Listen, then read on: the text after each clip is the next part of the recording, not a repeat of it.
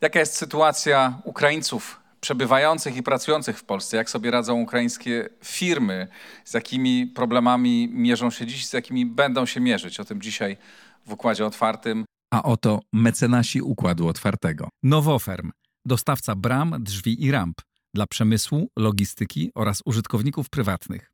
E-Kwadrat V to polska spółka zajmująca się sprzedażą energii elektrycznej pochodzącej wyłącznie z odnawialnych źródeł.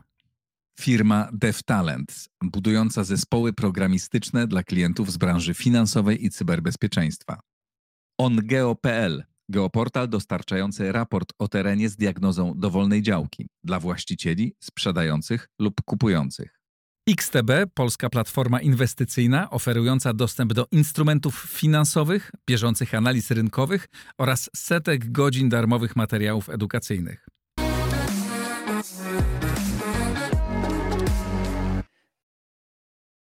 Dzień dobry Państwu. Pani e, Katarzyna Dębkowska, kierownik zespołu Foresightu Gospodarczego w Polskim Instytucie Ekonomicznym i Cezary Kaźmierczak, szef Związku Pracodawców i Przedsiębiorców. Dzień dobry. Dzień dobry. Mamy do czynienia z, z niezwykłym fenomenem, bo Polska została no, zalana falą e, ludzi, którzy przyjechali i wydawało się, że z takim jakby ktoś nam powiedział wcześniej, że przyjedzie kilka milionów ludzi do Polski skądkolwiek, to byśmy pomyśleli, że to będzie jakaś katastrofa. Tymczasem minęło półtora roku i radzimy sobie chyba całkiem nieźle e, i nasi goście, którzy tu przyjechali i my organizacyjnie daliśmy, daliśmy radę, poza tym, że e, no nie, wiem, nie było obozów dla uchodźców, co jest w ogóle fenomenem światowym, to e, przyjezdni coraz lepiej się integrują i coraz jakby są lepiej wykorzystywani, sami sobie coraz lepiej dają radę. Proszę jak Państwo to widzicie i z punktu widzenia, jak to wygląda z punktu widzenia ludzi szukających pracy, czy jakby zatrudniających się i, i firm, które tutaj przenoszą się albo zaczynają współpracować z Polską? E, faktycznie na początek, kiedy wojna się zaczęła i kiedy wiedzieliśmy, że ludzie e, stoją przy granicy, uciekają do Polski, to każdy miał na pewno obawy i, i Polacy i Ukraińcy, jak to wszystko będzie wyglądało. Polski Instytut Ekonomiczny oczywiście też podjął od razu próbę badania tego zjawiska, może bardziej pod kątem właśnie takim ekonomicznym, też trochę społecznym. Badaliśmy, badaliśmy to zjawisko, jak to się przekłada na, na to, co się dzieje w polskiej gospodarce. E, I we wrześniu opublikowaliśmy taki raport odnośnie ukraińskich firm w Polsce. Okazało się, że jest to mm, bardzo rosnące zjawisko. Coraz więcej firm się ukraińskich w Polsce zakładało. Kiedy na przykład w styczniu przed wojną takich firm ukraińskich w Polsce było 188 nowo założonych, to tak już w kwietniu było to blisko 800, a we wrześniu to było ponad 2000. Potem troszeczkę ten trend się uspokoił, ale listopad, grudzień to też jeszcze było ponad tysiąc zakładanych firm miesięcznie, nowych firm działalności jednoosobowych gospodarczych. Natomiast no, myśleliśmy, że już ten trend jakby zaczął wygasać pod koniec roku, ale okazuje się, że w tym roku od stycznia do kwietnia, bo takie dane mamy, e, ponad 2000 miesięcznie takich firm e, powstawało. Czyli łącznie od początku wojny mm, w Polsce zarejestrowano 25 tysięcy jednoosobowych działalności gospodarczych. E, można powiedzieć, wyobrazić sobie też w, w tą skalę mm, tego zjawiska w ten sposób, że co dziesiąta zakładana działalność gospodarcza w Polsce ma właściciela, który jest Ukraińcem bądź Ukrainką. Tutaj ta struktura, jeśli chodzi o płeć, nie jest taka sama jak struktura migrantów, uchodźców. E, ale faktycznie 40% zakładanych działalności to są działalności zakładane przez kobiety. Jeśli chodzi o polskie działalności, no to tutaj jest niższy udział, 30%, czyli widać tutaj ten wskaźnik, że to też panie Ukrainki tutaj jakby wzięły, że tak powiem, sprawy w swoje ręce i założyły tą działalność. Na pewno ta forma jest, jest założenie działalności jest formą na to, żeby mieć środki na utrzymanie i na życie w Polsce, ale myślę, że to też jest taka forma, która powoduje, że być może te kwalifikacje, te kompetencje, które posiadało się, posiada się nadal e, w Ukrainie, można też w jakiś sposób e, lepiej być może spożytkować niż e, praca na etacie.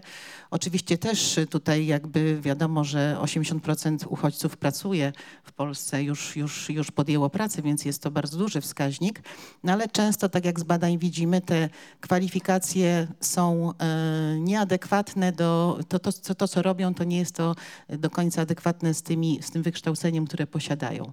Oczywiście pewne są bariery, które trzeba pokonywać i, i na, pewno, na pewno wtedy się pewnie to jakoś, miejmy nadzieję, wyrówna. To rzeczywiście znaczy jest na pewno tak, że wiele osób pracuje nie w swoich zawodach, no bo, no bo trudno yy, nagle tak przeskoczyć po prostu jeden do jeden bez, bez żadnego przygotowania, ale tak, to jest niezwykły fenomen, że 80% ludzi, którzy przyjechali tutaj pracują i to rozumiem, że prawie wszyscy legalnie, e, bo nadano im numery e, NIP i, i są zarejestrowani.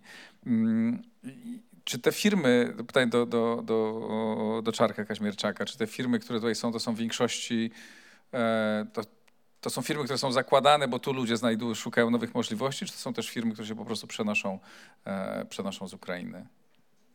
Tutaj e, pani mówiła głównie o takich działalnościach mniejszych, ich jest rzeczywiście dużo. Są to takie odpowiedniki w większości przypadków jednoosobowej działalności gospodarczej, jak w Polsce. To nie znaczy, że, że oni tam nie zatrudniają jakichś ludzi, ale są to raczej mniejsze przedsiębiorstwa my prowadzimy taki program e, Business for Ukrainian Center, który zajmuje się dużymi firmami. Mamy w tym programie ponad 100 tych firm już w tej chwili. To są takie firmy typu tam Nowa Poczta czy, czy Farmak, no, korporacje duże. Takie, które się przenoszą albo zakładają e, tutaj. Nie, nie. Znaczy my mamy bardzo podobny program dla białoruskich firm. E, E, Białoruś Business Center i tam mam, na tym programie białoruskim mamy relokację. W przypadku ukraińskim nie mamy ani jednej relokacji do tej pory. E, mamy otwieranie oddziałów e, z myślą o działaniu w Polsce lub szerzej w Europie. To jest, otwiera się oddział, a nie przenoszą się. Relokacje, rozmawiałem z gubernatorem niedawno, relokacje wewnątrz Ukrainy mają miejsce. To ze wschodu, na, na Zakarpacie dużo, tam, tam jest aktywny ten gubernator, czy obwód lwowski i tak dalej, i tak dalej. To tam są pełne takie relokacje. Tych pełnych relokacji do Polski, przynajmniej my nie, nie mamy z tym do czynienia. Są otwierane lub też e, budzone, bo niektóre z tych firm miały w Polsce zarejestrowane zarejestrowane spółki. Tam były dwie osoby albo jedna, które tam siedziały i nie wiedziały, co ze sobą zrobić. E, to, to jest to budzone i mamy takich firm około 100 i to już e, jest e, taki duży dość pomysł na ekspansję międzynarodową i ich również w Europie, bo część z nich myśli o, o ekspansji europejskiej. Jak oni sobie radzą, trudno powiedzieć, bo to jest zbyt krótki okres czasu. E, jak mi się wydaje, ale jak sobie radzili, radzili tam, to i pewnie poradzą sobie tutaj, w Europie. No, my na razie mamy takie, pomagamy im w różnych tam kwestiach, głównie poprzez e, stymulowanie kontaktów z kontrahentami i tak dalej, i tak dalej. No i na razie to wszystko wygląda e, jakby e, optymistycznie, natomiast na temat tego biznesu, który Państwo badają, to my im udzielamy tylko takiej informacji, tak? Znaczy dajemy im, mamy dokumenty dla nich, dajemy im, mogą sobie pobrać, bo tak też się zgłaszają, ale my nie mamy zasobów, żeby ich e, obsługiwać, więc dajemy im informacje, co jakby należy zrobić. Skala tego jest bardzo duża, e, ale oni, to jest też tak, że to oni mają kolegów i tam koleżanki, rodziny i to sobie pomagają, więc no jest to zastrzyk y, dla gospodarki i na pewno i znaczącym też zastrzykiem są pracownicy.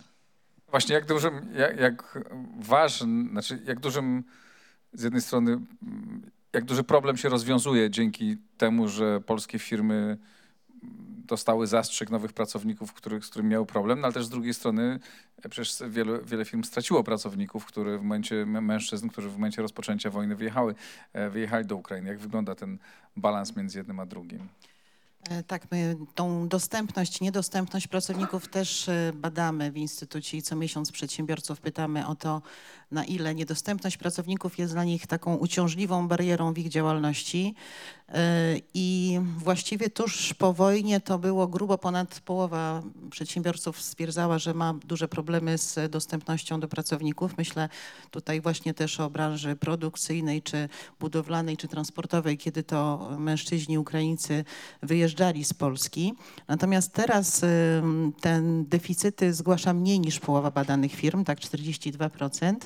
Jeszcze w zależności od sektora to też wszystko zależy. Natomiast y, obserwując to, gdzie się Ukraińcy teraz zatrudniają, no to widzimy, że jest to głównie sektor produkcji. Właściwie 30% zatrudnionych Ukraińców tam się lukuje. Y, no oczywiście też dużo osób pracuje w sektorze usługowym, w sektorze transportowym i faktycznie przedsiębiorcy y, zajmujący się produkcją przemysłową jakby teraz no, nasycili się w jakiś sposób y, tymi zasobami pracy, aczkolwiek no, na pewno nie jest to y, do końca już wystarczające. Na pewno też takie obawy się pojawiały, że Ukraińcy przyjadą, zabiorą, zabiorą pracę Polakom. Tak, absolutnie czegoś takiego nie obserwujemy, no bo stopa bezrobocia w Polsce jest jedną z najniższych w Europie i napływ migrantów wcale nie spowodował, że jakieś tutaj się bezrobocie pojawiło. Wręcz przeciwnie, te zasoby ludzkie były bardzo pomocne naszym przedsiębiorcom i dzięki y, migrantom, uchodźcom z Ukrainy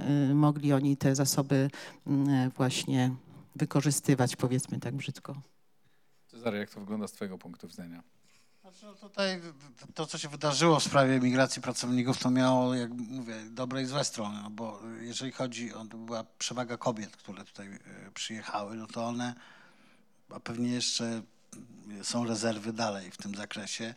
Jeżeli chodzi o ten sektor, e, sektor e, e, hotelowy, gastronomiczny, sektor usługowy, sektor, sektor opieki nad osobami starszymi czy usług domowych, no to, to wszystko szybciutko wchłonę, w rynek wchłonął. Na początku mm, bardzo poważne problemy miały firmy budowlane. Bo tam e, wiele budów czy wiele e, jakichś projektów zostało wręcz zamkniętych w 2022 roku z powodu z kolei wyjazdu mężczyzn e, z, z Polski. Ta sytuacja teraz się trochę tam stabilizuje. Polski rząd jakiś tam zliberalizował przepisy i mm, jest jakaś próba uczenia się przez Polskę pozyskiwania pracowników z Azji Centralnej, z Azji no, idzie to jak idzie. No, no, nie, jest, nie jesteśmy krajem emigrantów, nie mamy też przystosowanych struktur administracyjnych za bardzo do tego. Choć co prawda ta administracja w Polsce już tutaj na miejscu, to już e, na tym przy, przypadku ukraińskim się trochę nauczyła i to trochę szybciej idzie, ale taka ambasada w Indiach, no tam siedzi dwóch ludzi, którzy się rozglądają i nie wiedzą, co ze sobą zrobić. No, jak tu stoi jakaś chmara e, ludzi, no, są kompletnie bezradni wobec wobec tego, więc pewnie Polska musi się tego nauczyć. E, też no, jakie są e, ciekawe bardzo postawy takie polityczne też, bo, bo to też będzie determinowało w najbliższych latach rozwój Polski. No i tutaj to, to na, jak na razie to wygląda bardzo optymistycznie. To znaczy Polacy po prostu akceptują pracujących emigrantów. To znaczy byłby pewnie duży problem, gdybyśmy mówili o jakichś emigrantach z Afryki Północnej, którzy pewnie niezbyt im się. Zresztą to było widać już po Wietnamczykach, którzy tutaj w latach 90. w dużej ilości do Polski dotarli i się roztopili tak, w polskim społeczeństwie. Także z punktu widzenia geopolitycznego to sprawa wygląda chyba, chyba w ten sposób, że polskie społeczeństwo akceptuje migrację e, pod warunkiem, że ci emigranci no, pracują, tak? No i tak się dzieje, nie, nie to oczywiście. E, więc, e, więc to, to jest ważne. E, jak to dalej będzie? Myślę, że jeżeli chodzi o emigrację ukraińską, to zobaczymy, co tam się oczywiście będzie działo. Natomiast no, na pewno zostaną ci, ci, ci, którzy mają dzieci w szkole. To, to raczej na pewno pozostaną w Polsce czy, czy w innych krajach Europy. Pewnie znaczna część bez tych dzieci wróci, ale ten, ten czynnik to taki też w przypadku polskiej emigracji w 1989 roku był rozstrzygający. Ja nie znam nikogo, kto wrócił, kto miał dzieci w szkole. A, większy, a wszystkich, co wrócili, to nie mieli właśnie. Albo jeszcze przed, albo już po, ale nie, nie, dzieci w szkole, więc to jest jakiś taki chyba ważny czynnik dla emigranta, żeby nie wyrywać z tego środowiska, czy, czy, e, czy coś. No zobaczymy. No, to znaczy tutaj te prognozy polskie były bardziej takie przepraszam za określenie, bo to może mało tutaj stosowne, ale ja w dyplomacji nie pracuję, e, takie bardziej krwiożercze, bo liczono, że tu ze dwa miliony, ze trzy może tych imigrantów będzie, ale się okazuje, że to pewnie milion na milionie się skończy. Może jeszcze, jeśli mogę o cudzoziemcach, bo um, uzupełnić y, sekundkę. Y, niedawno GUS opublikował dane na temat zatrudnienia w gospodarce narodowej. No i w 2022 ten udział cudzoziemców y, to było blisko 4%, a rok temu to było 1,6%. Czyli widać ten skok. No na pewno tutaj duża zasługa to Ukraińcy, no ale też myślę, że Polska otwiera się na zatrudnienie cudzoziemców. Też w liczbach jest to pokazane punktu widzenia, no wiem, że Państwo zajmujecie się głównie gospodarką, biznesem też, ale z punktu widzenia integracji ludzi i pracowników, którzy, e, którzy tu przyjeżdżają, i firm, no i, i po prostu ludzi, obywateli, e, gdzie widzicie największe zagrożenia czy wyzwania dla polskiego państwa? Wymienię jedno, e, o którym niedawno usłyszałem. Znaczy 100 tysięcy ukraińskich dzieci dzisiaj nie jest w polskim systemie edukacyjnym. Znaczy teoretycznie uczą się online, tak? Tego, co oczywiście czego nikt nie jest w stanie kontrolować, czy te dzieci się uczą, czy nie uczą. No i e, wszystko dobrze, jeśli te dzieci wrócą do swojego kraju potem, no bo wejdą, mm, pewnie te szkoły zaliczą, tak? Ale jeśli nie wrócą, a, a zapewne część z nich nie wróci, to będą to dzieci, które nie będą mieć uznanej szkoły i to, to będzie gigantyczny, gigantyczny problem, kiedy zaczną dorastać i mierzyć się z rzeczywistością i pewnie takich rzeczy jest y, więcej, gdzie Państwo widzicie takie zagrożenia czy wyzwania dla, dla polskiej administracji, która powinna sobie jakby poradzić z rozwiązywaniem tych problemów? Ja myślę, że tych problemów y, jest sporo, a będzie jeszcze więcej, bo tak jak Pan dzisiaj opowiadał i goście opowiadali, myśmy tutaj już z taką jakby euforią przyjmowaliśmy y, i z otwartymi ramionami uchodźców ukraińskich. Natomiast y, wiadomo, że trzeba, żeby to wszystko jakoś działało, to trzeba właśnie to zrobić systemowo. Jest wiele bardzo organizacji pozarządowych, które się tym działają, y, tym zajmują, ale też no, mamy wrażenie, że te działania są takie punktowe. Podejrzewam, że potrzebny tutaj jest jakiś taki bardziej zintegrowany system wielo płaszczyznowy, który mm, zwróci uwagę na różne aspekty życia i właśnie na te ekonomiczne, ale te psychologiczne e, i, i w ogóle społeczne, no bo oczywiście można być w obcym kraju, można podjąć się pracy, no ale też trzeba się czuć dobrze w tym kraju i te dzieci powinny się czuć dobrze w kraju. Ja słyszałam o takich przypadkach, że wracają jednak te mamy ze swoimi dziećmi do Ukrainy, dlatego że właśnie to dziecko nie czuje się tutaj jakoś tak zintegrowane z rówieśnikami, że zupełnie inaczej funkcjonuje mimo tego zagrożenia zagrożenia bezpieczeństwa, inaczej to dziecko funkcjonuje w Ukrainie. Więc myślę, że ten aspekt jest na pewno bardzo ważny. No ja nie jestem socjologiem ani psychologiem, więc ciężko mi się wypowiadać. Mówię to z punktu widzenia takiego swojego własnego. Natomiast no myślę, że jakby polskie społeczeństwo w jakiś sposób być może y, ma już mniejszy entuzjazm, ale nie jest to, y, że tak powiem, nie odwróciło się to w drugą stronę. Dalej jesteśmy nastawieni przyjaźnie i współpracujemy ze sobą. Te ukraińskie firmy, które otworzyły się w Polsce, często współpracują z polskimi firmami. Zresztą często jest tak, że żeby współpracować z firmą, na przykład jako informatyk, no to trzeba tą działalność założyć, prawda? Więc, więc to też tak funkcjonuje. Ale też to, co obserwujemy w tych badaniach, wydaje nam się, że, że, że, że, że jest coś takiego, że jakby społeczność ukraińska integruje się tutaj wzajemnie i te firmy, które są zakładane na przykład z sektora beauty, fryzjerskie, kosmetyczne, często usługi są właśnie oferowane Ukrainkom, więc no też trzeba na to zwracać uwagę, żeby tak zupełnie nie tworzyć tutaj takich enklaw, że tak powiem, ale żeby się to jednak wszystko mieszało, ale z drugiej strony wiem, że polscy konsumenci bardzo chętnie korzystają z na przykład z produktów gastronomicznych ukraińskich, prawda, że tutaj jest ta taka jakaś wspólna wymiana i no i cóż, musimy się integrować. Ja to, nie, się nie znam, e, więc mogę jakieś impresje ewentualnie. Znaczy u nas pracuje 14, 14 Ukraińców w związku na tych programach ukraińskich. No i ja nie widzę jakichś tutaj... Normalnie, no, normalnie to działa, tak? Jest jakaś... No, normalnie jak i nie wszyscy ludzie tam ze sobą jakoś tam y, się zachowują i, i współpracują ze sobą i to myślę, że to szy- szybko to powstaje zespół, taki jeden, jeden, mm, e, jeden z tego. Też od kolegów różnych od członków, e, którzy zatrudniają e, w jakiejś istotnej mierze, to nie słyszałem, o- żeby były jakieś konflikty na takim na tle e, e, narodowościowym.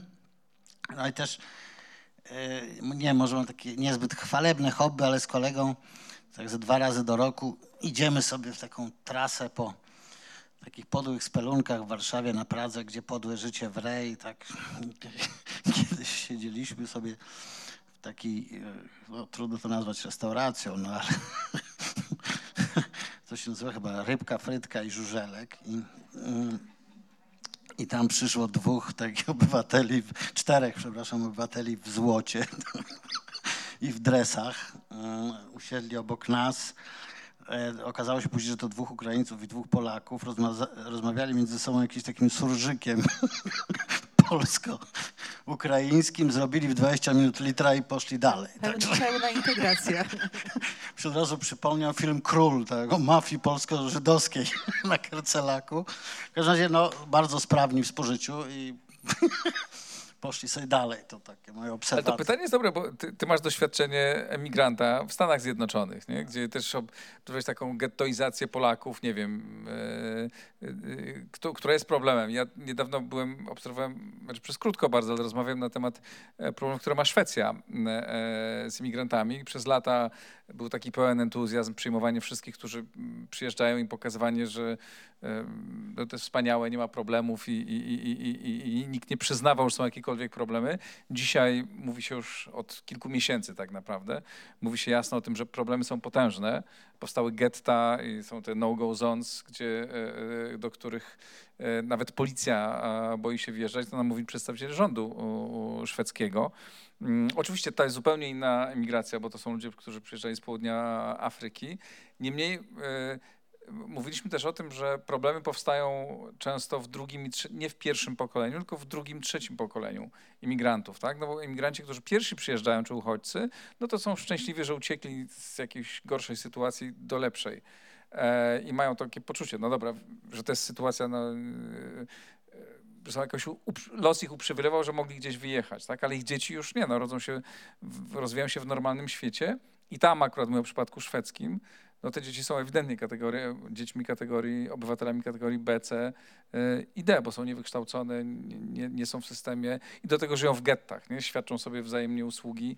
E, e, I to mówię też w kontekście tych setki tysięcy, znaczy stu tysięcy dzieci, które nie są dzisiaj w systemie polskim edukacyjnym, jeśli część z nich zostanie, a zapewne zostanie, no to, to też będzie pewnie taki, taki przypadek. Nie? W jaki sposób tego uniknąć, jak uniknąć takiej gettoizacji, żeby właśnie ludzie przy, przyjeżdżający nie mieszkali tylko naturalnie ciągną do siebie, no bo rodziny ściągają, znajomi ściągają do siebie, prawda, żeby oni się wszyscy zintegrowali, wtopili w polskie społeczeństwo.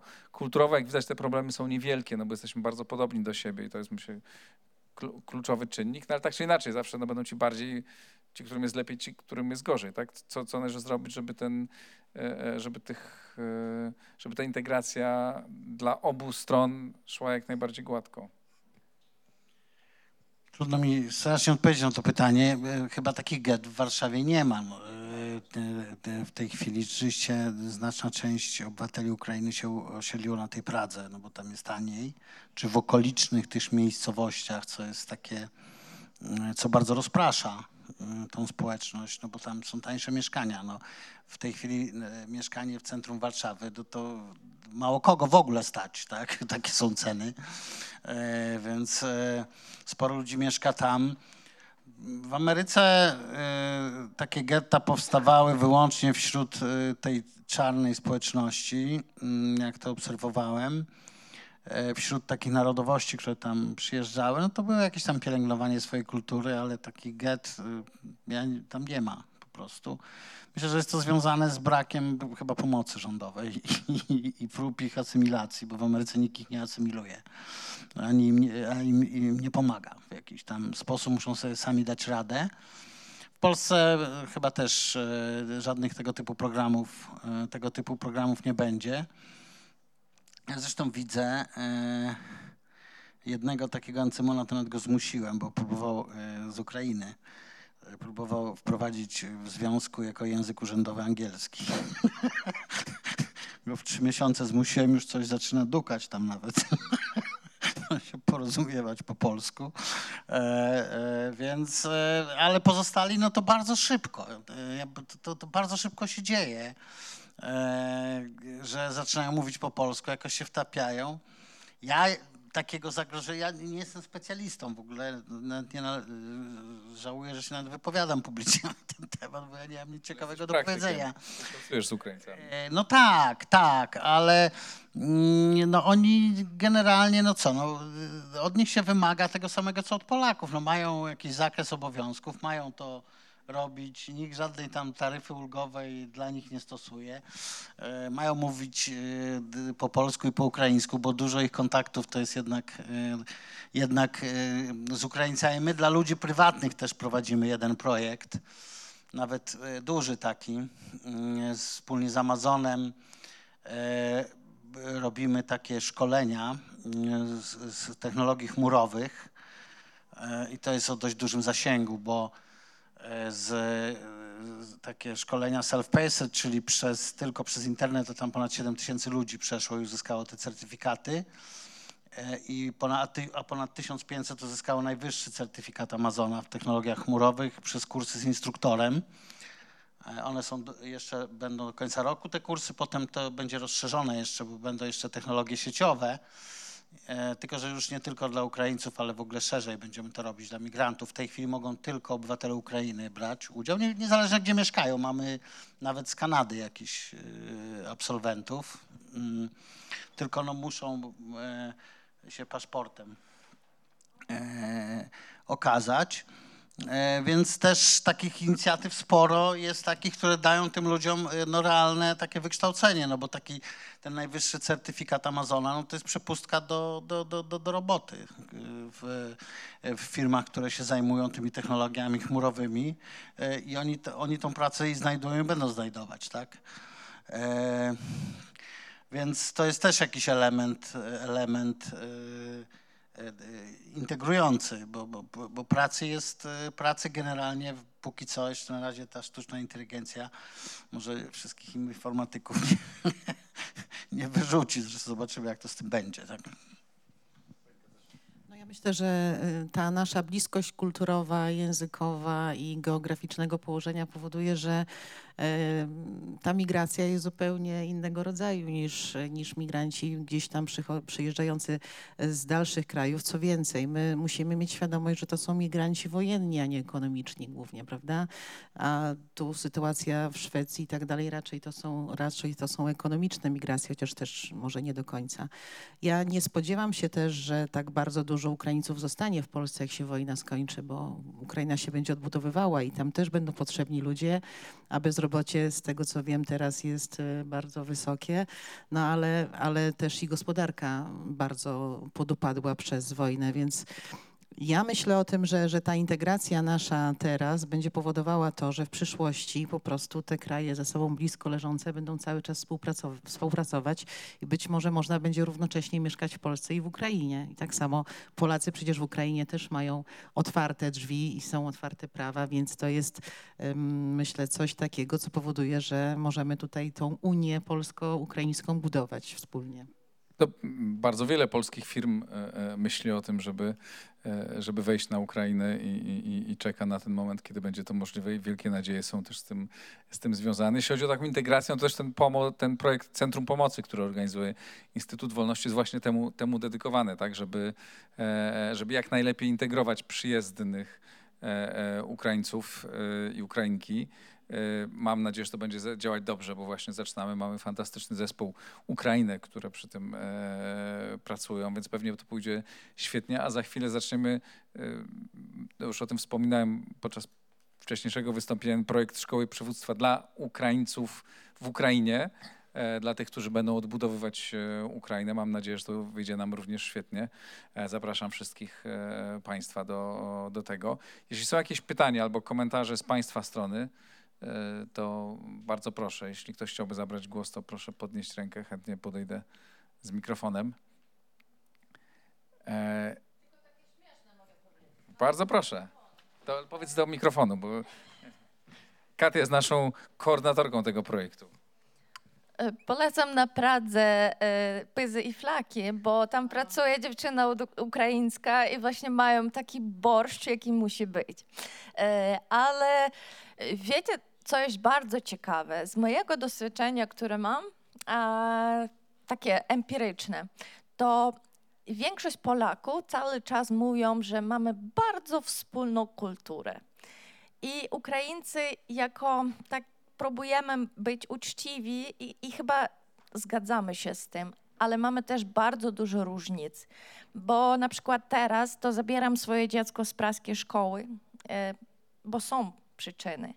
I to mi tak po prostu rozbija serce, że nie wiem, antydyskryminacyjne takie rzeczy też muszą być wprowadzone. I mamy też ciekawy pomysł, bo e, mam już znajomość dziewczyny, która ma taki projekt, e, gdzie uczą antydyskryminacyjnych trenerek, więc jako możliwość chcę zapewnić ją naszym uczestnikom. I też możemy spróbować rozwijać, roz- rozwijać się w tym kierunku, jako, nie wiem, nowy zawód, coś takiego, bo ten problem chyba będzie rosnąć. Też mam problem z nauczycielką ze szkoły, młodszej córki, drugiej klasy. Ciągle e, po prostu czepia się, robi różne uwagi bez, bez podstawy i to jest bardzo przykre. I mm, zmieniamy szkołę ze września też. Jeszcze sekundę. Wiecie co? Mój syn dostał za rok jedynkę z polskiego. I po prostu jestem ciekawa, e, ile by dostała ta pani od polskiego, jakby musiała uczyć ukraińskiego. I to, to jest po prostu dramat. Ale poradzimy sobie, bo jesteśmy super, nie?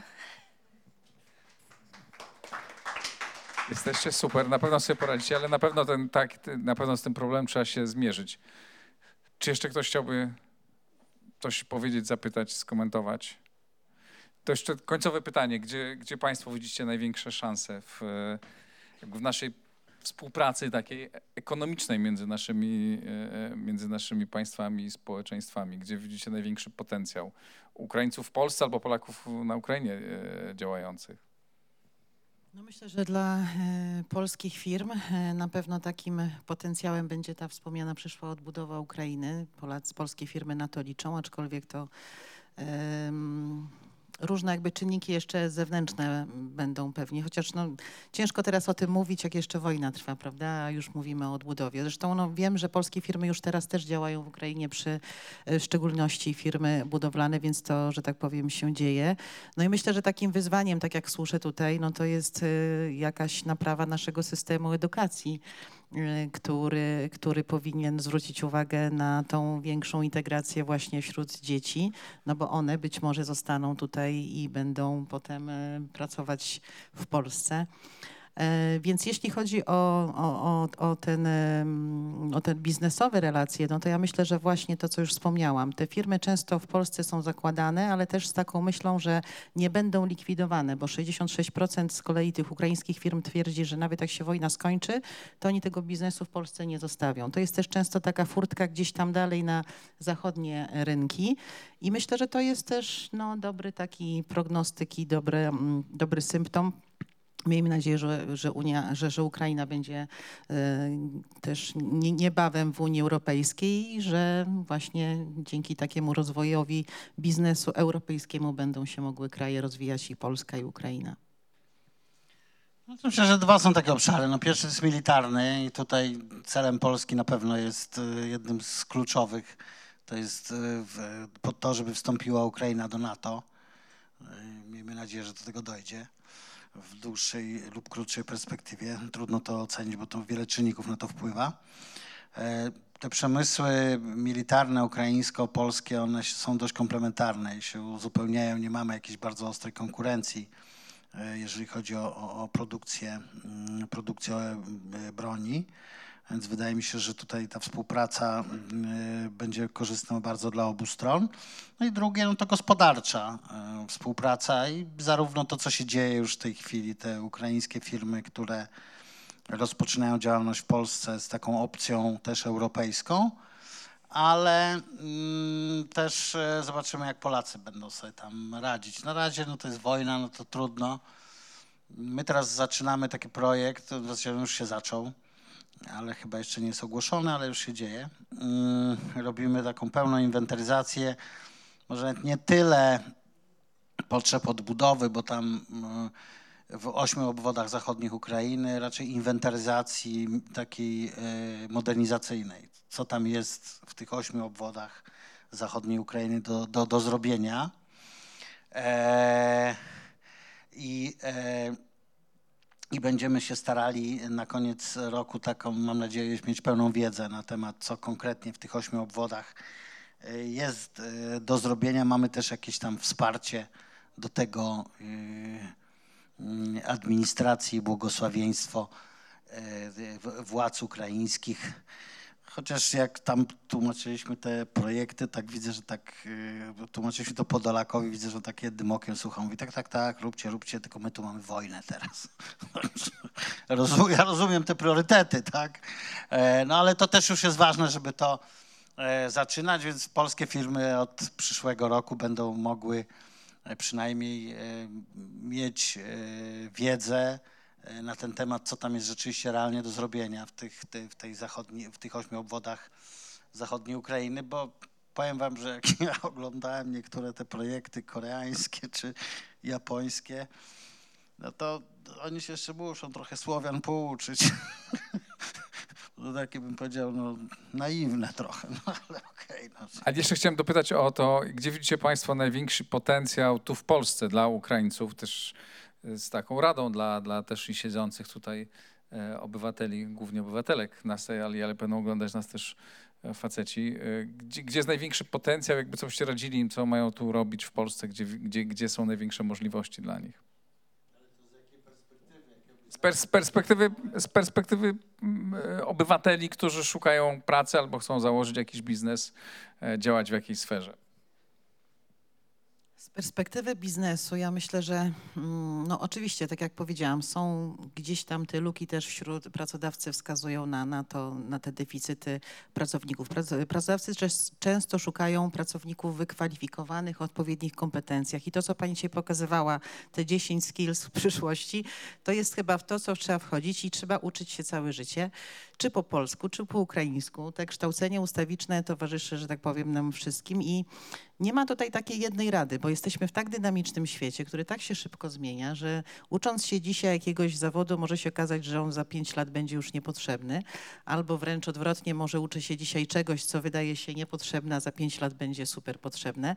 No trzeba być na pewno otwartym i nie blokować się. No, ja wiem, że być może będąc w obcym kraju jest trudniej otworzyć się na różne rzeczy, no ale dzięki takim organizacjom jak państwa, ja myślę, że tutaj też się super można poczuć i wzajemnie się integrować i wzajemnie się wspierać, więc ciężko jest wskazać jakąś konkretną jedną, e, jeden zawód czy jakąś branżę, gdzie rozwijamy swoje biznesy. Natomiast to, czego pracodawcy teraz najbardziej potrzebują, to są pracownicy kreatywni, ta kreatywność jest taką, e, tak, takim deficytem, e, na który wskazują e, pracodawcy. Nie tyle ważne jest wykształcenie, co właśnie ta kreatywność, żeby pracownik sobie umiał poradzić w, w różnych trudnych sytuacjach, no a z drugiej strony też jakby dążenie pracownika do podnoszenia tych swoich kwalifikacji to też jest na pewno bardzo cenione. Także wydaje mi się, że każda z pań ma jakiś tam swój priorytet, co chciałaby robić i po prostu trzeba do tego, do tego dążyć, nie zważając na okoliczności i kreować po prostu siebie. Nie wiem, jak ja bym tutaj przyjechał jako tam, nie wiem jak jest Cezary po ukraińsku, to aż wstyd, ale nie wiem, Cezar, o, jakbym tu jako Cezar z teczką przyjechał, to to pewnie bym szukał jakiegoś swojego szczęścia w jakimś biznesie czasu wolnego.